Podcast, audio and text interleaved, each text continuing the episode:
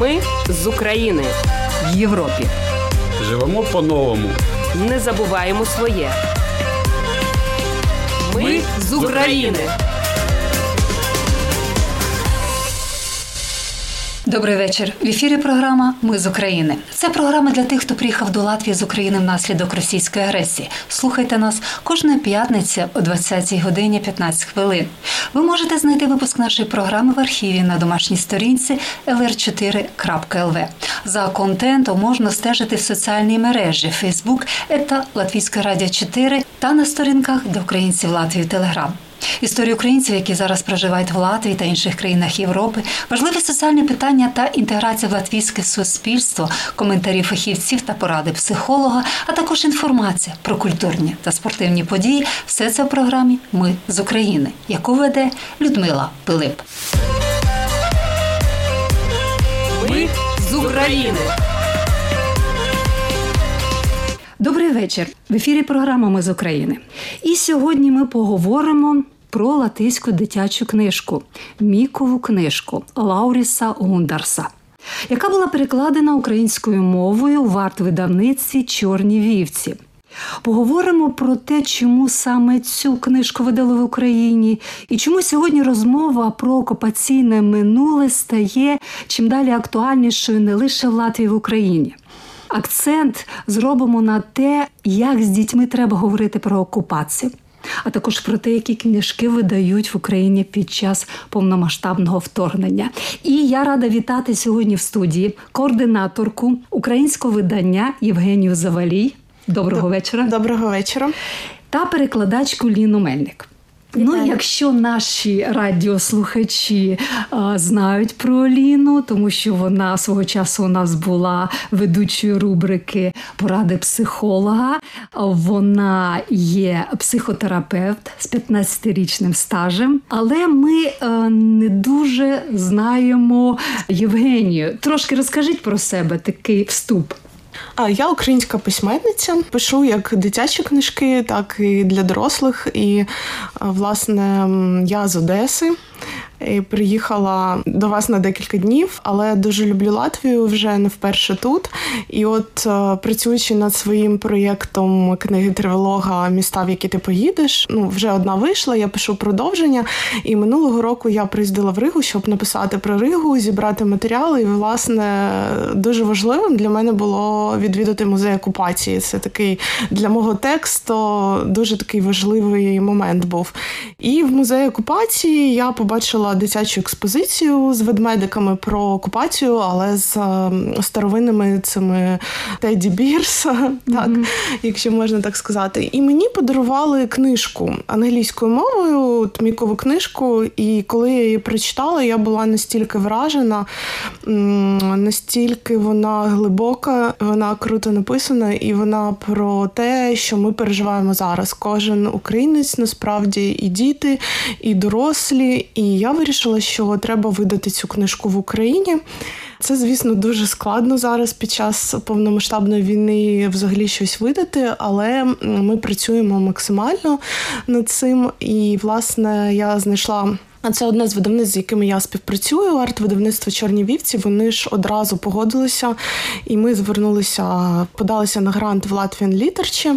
Також вели переговори з музею окупації, щоб вони дали нам права на видання цієї книжки. Ну вони всі пішли дуже на зустріч, нам допомогли. І от рік по тому зараз ця книжка вже є українською мовою, і вона вже дійшла до українських читачів. Рік. Всього рік. Рік на це пішов. Я зрозуміла, що ви були в музеї окупації саме 24 лютого 2023 року. Так, десь це було 25-го, 26-го, мабуть, бо 24-го я точно пам'ятаю, що була у Вільнюсі на всіх цих заходах, і був якраз букфейр вільнюський. Я на день приїхала в Ригу просто щоб відвідати музей окупації і зібрати матеріал для своєї книжки. І як ви знайшли перекладача? Та це це дуже було складно спочатку. Так як я, в принципі, ну я авторка, але я не видавець. Я почала питати видавців українських. Всі сказали, ми нікого не знаємо. Потім я почала питати перекладачів, і мені кого тільки там не пропонували і зі шведської, і з норвезької, і з естонської, але з латиської я не знаходила. Ну але потім я просто написала в Latvian Literature, вони мені дали контакти Ліни.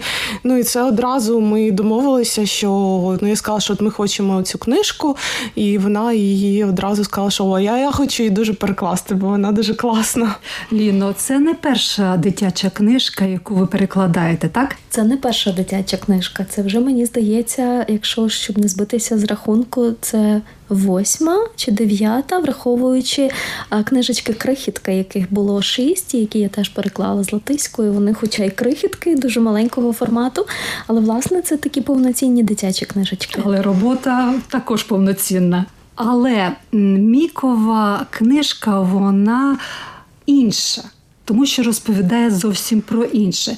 Я, мабуть, розкажу слухачам. Більшість знає, але не всі, що в музеї це музей окупації, по-перше, і він з самого початку повномасштабно і не лише з самого початку агресії Росії в Україні підтримав Україну. А цікава історія. І сьогодні вже напад був. Сьогодні вночі був напад на музей окупації.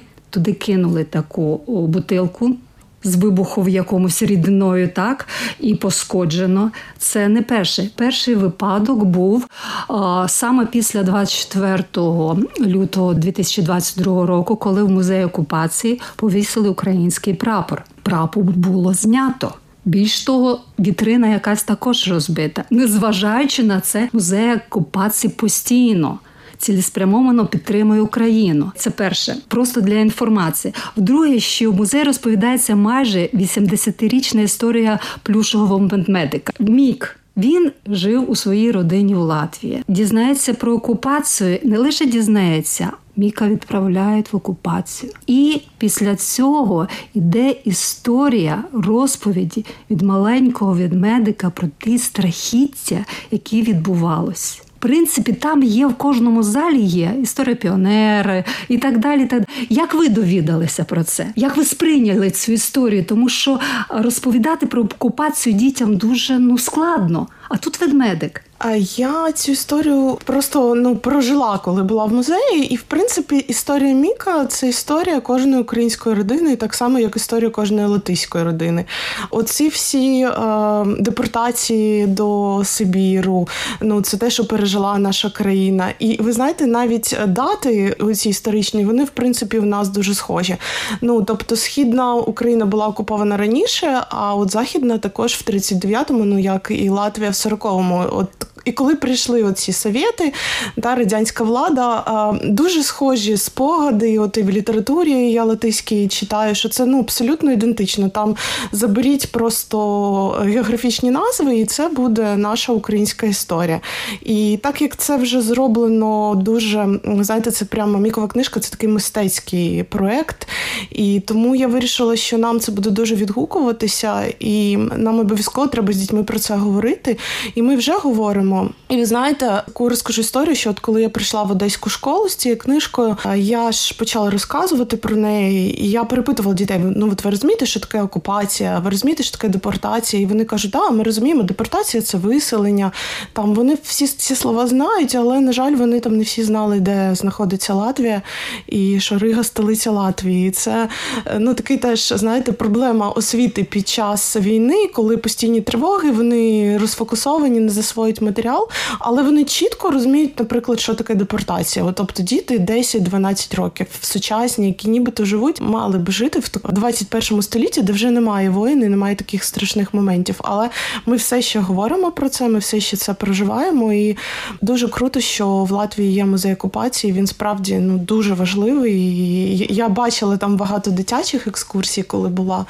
І це те, про що ми говоримо, обговорюємо в Україні, що нам також треба створювати такі музеї не лише про Другу світову війну, що була після неї, а власне і про. Ту окупацію, яка зараз е, ну частина нашої території наразі окупована.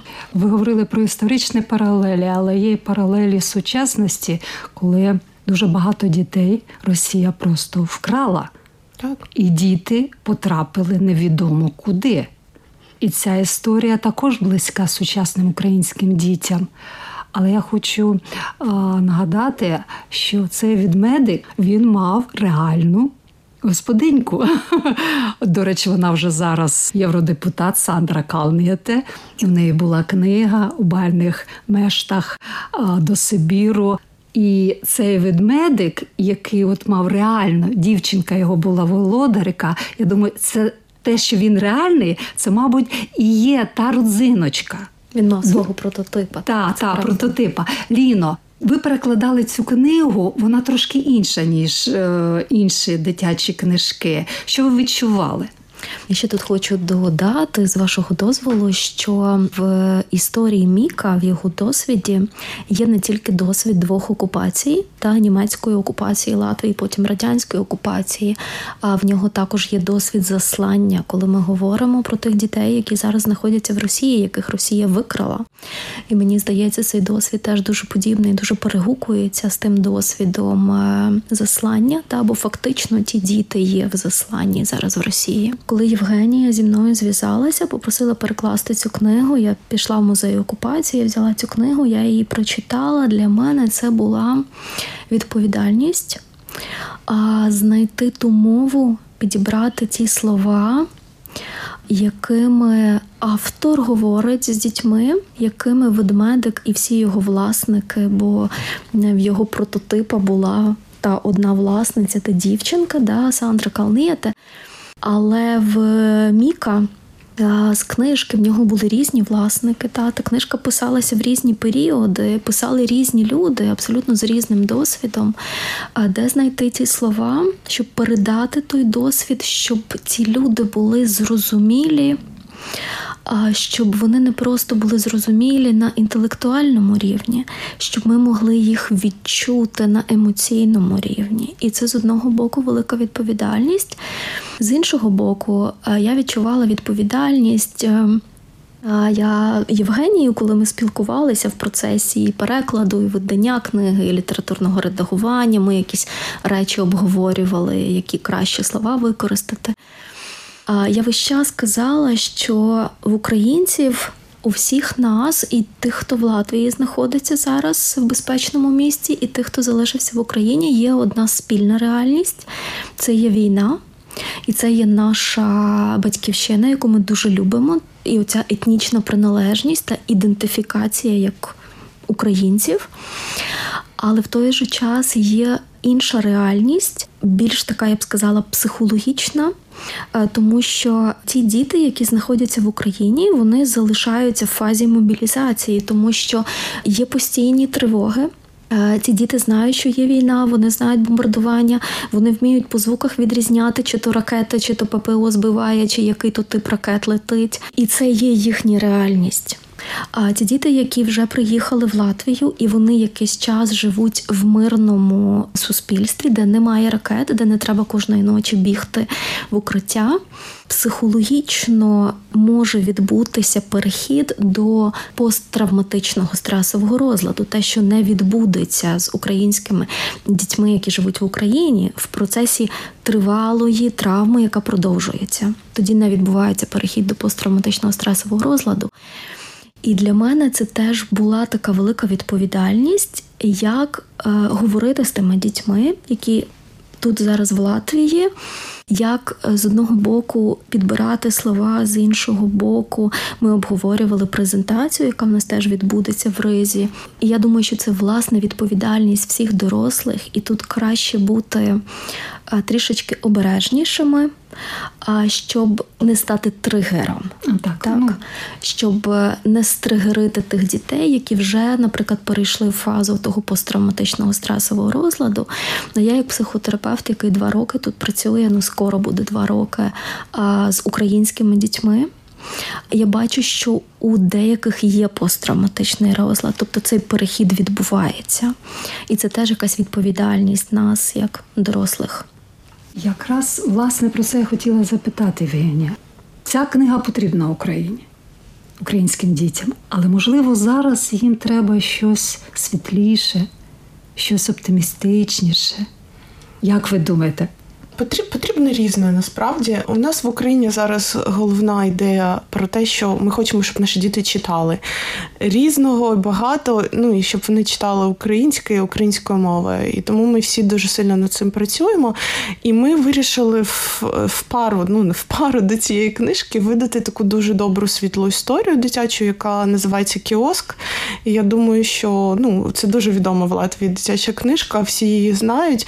Ну я сподіваюся, що цього року вона також вийде, і в нас буде одна серйозна, а одна така дуже весела, де можна і там і посміятися, і поспівчувати. Ну і взагалі вона ілюстрації там настільки яскраві, що одразу покращується настрій. Я коли от її побачила вперше, там мені прислали просто PDF, і в мене був чудовий настрій весь день. Ну бо я згадувала цю пані Ольгу, яка там працює в кіоску, от і мріє про подорожі. От і я думаю, ну кожен з нас е, опиняється рано чи пізно на місці пані Олі, і всі там переживають такі моменти. І вона така дуже дуже класна. і Я хочу, щоб наші діти бачили різне. Але вони, от Ліна правильно сказала про ідентичність.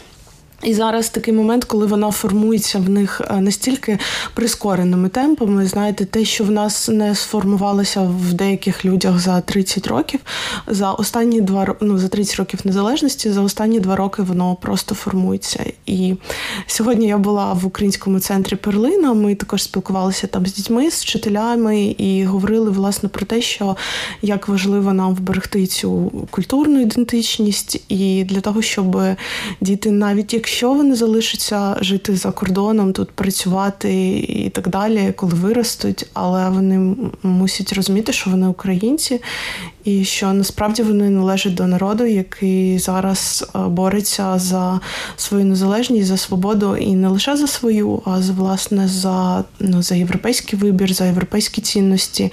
І ну нам дуже важливо, щоб наші майбутні діаспори також були свідомі того, що відбувається, що відбувалося в ці от буремні роки. Ну я вже так на перспективу ну, так. кажу, е, коли кажу про майбутні діаспори, але ну ми розуміємо, що це буде. І ну, власне, Латвія вона завжди була дуже близькою нам країною. От е, ми говорили про історичні паралелі, але ну я думала про це. В нас в українців немає ближчих е, родичів, там ближчих людей, ніж е, три Балтійські країни. І ми розуміємо одне одного, ми розуміємо які гіркі ці виклики, як ми що ми пережили. Власне, ми всі були жертвами геноцидальної війни на знищення. І ця війна, на жаль, продовжується. І ми сьогодні не знаємо, що буде завтра, але ми маємо бути свідомими, що відбувається, навіть якщо ми говоримо про дітей.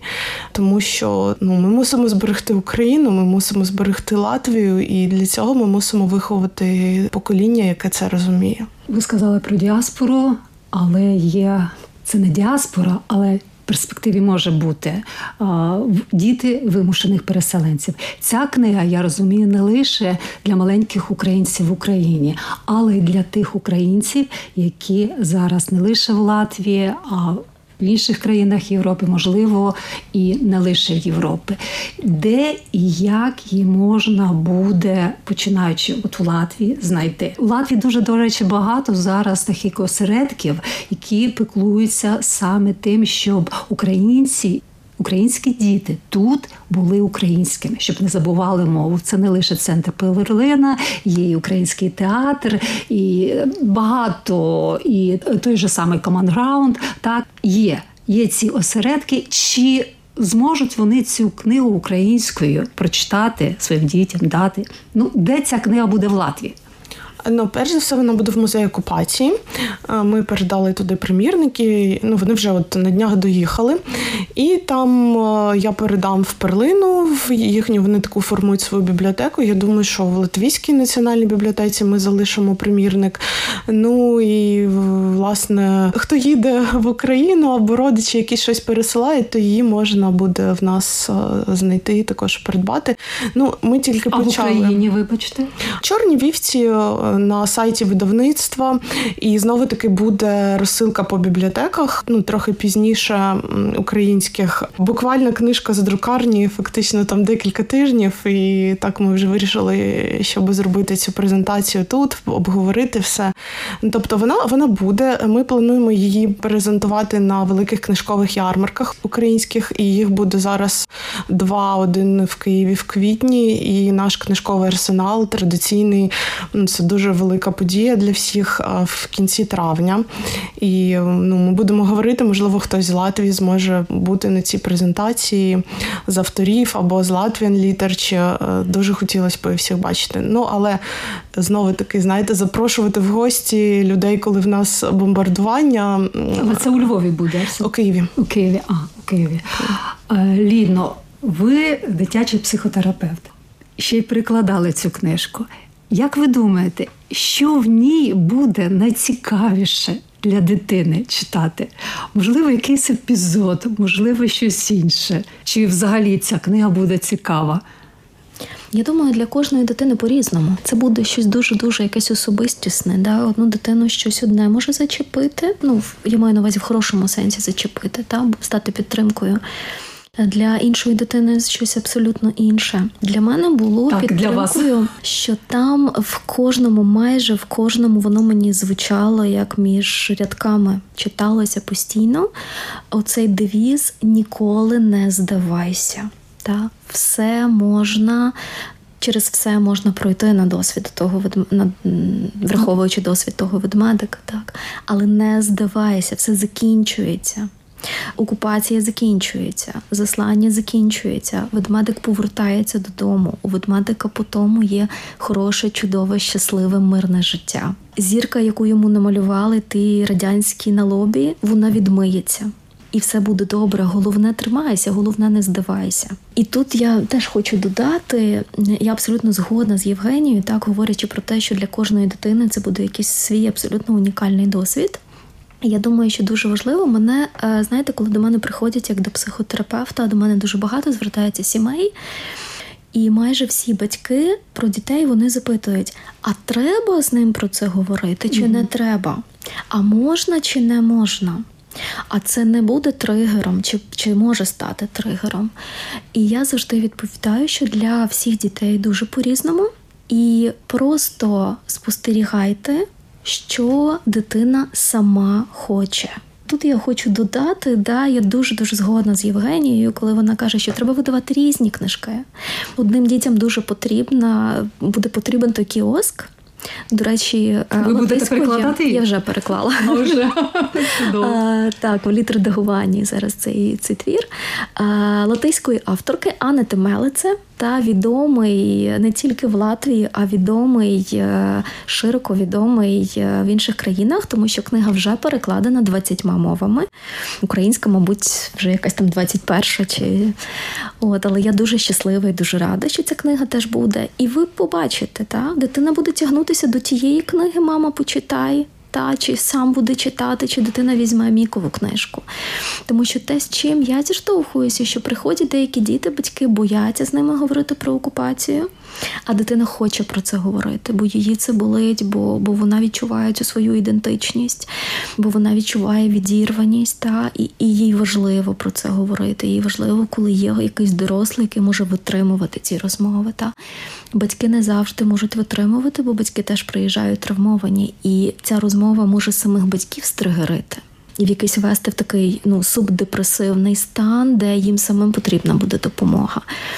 І тоді через цього ведмедика дуже важливо, що цей ведмедик є. Як третьою такою особою, можливо, якщо ви чули про такі види терапії, як через іграшки, mm-hmm. через якісь там, не знаю, песиків, ще чогось, той, хто може стати оцею підтримуючою персоною, але завжди з дитиною через третю персону можна пропрацювати якісь такі особистісні речі, що це не з тобою. Та дитина добре відчуває, дитина інтуїтивно добре відчуває, в неї є цей досвід, та, що це з нею, наприклад, теж відбулося, що вона теж була там чи в окупації, чи вона була з Росії і їй вдалося повернутися, але вона вже має той досвід. Так.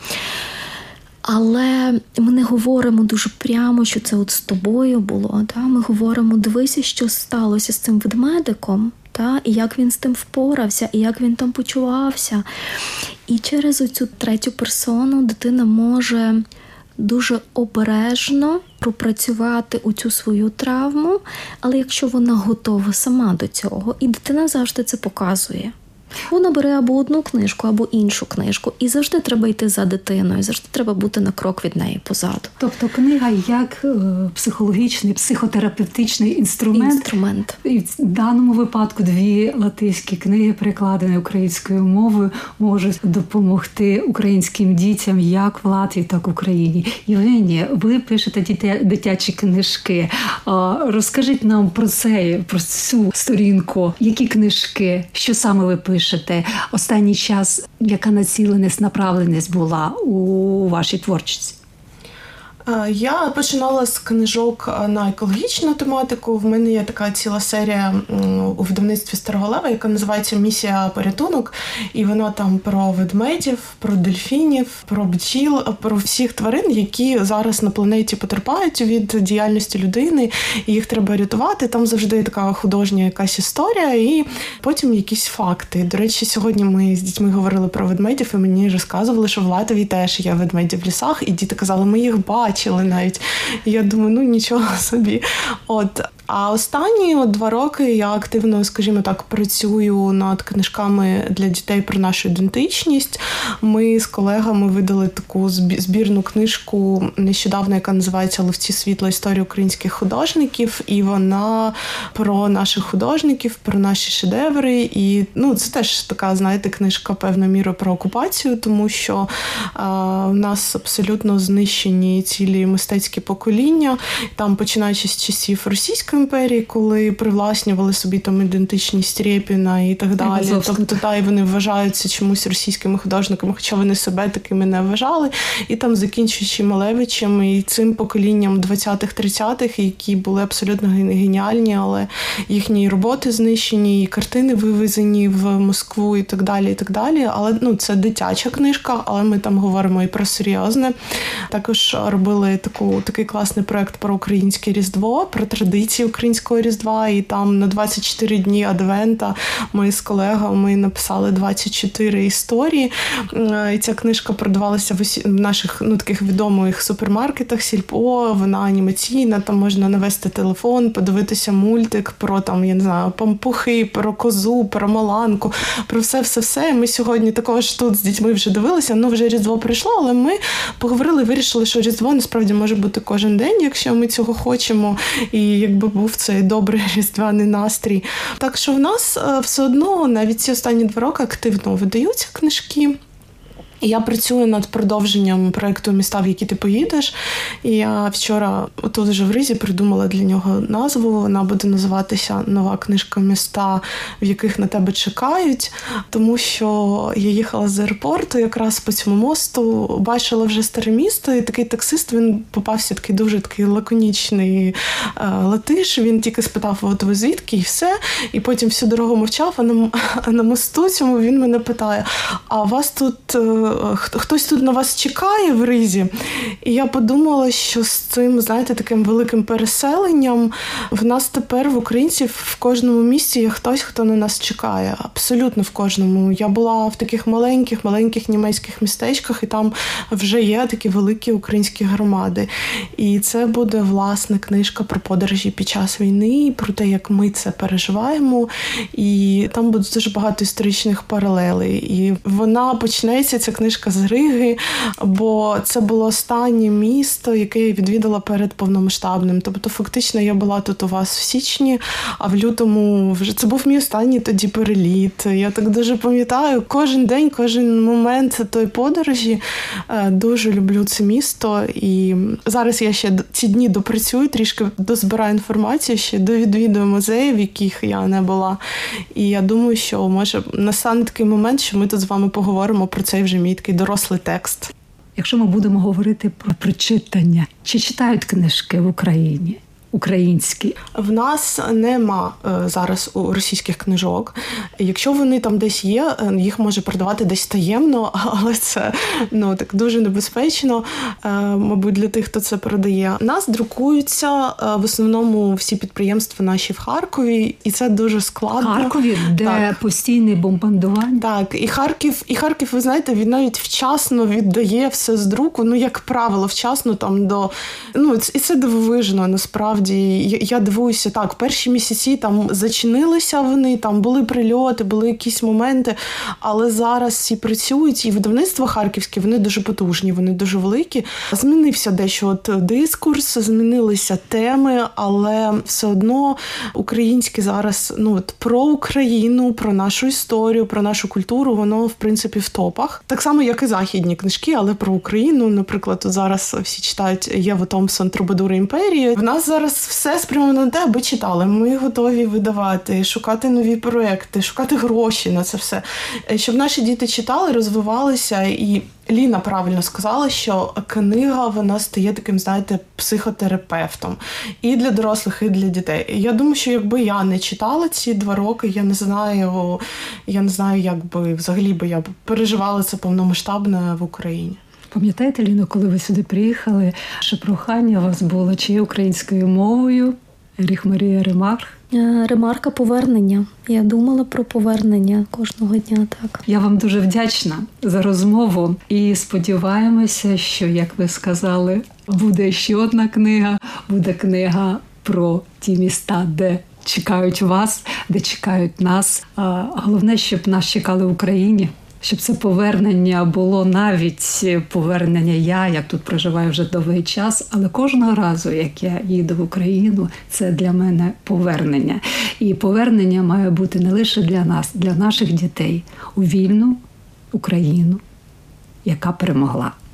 Дякую вам. Хочу лише нагадати, що в нас були чудові гості, координаторка українського видання Чорні вівці письменниця, дитяча письменниця Євгенія Завалій і перекладачка, психотерапевтка Ліна Мельник.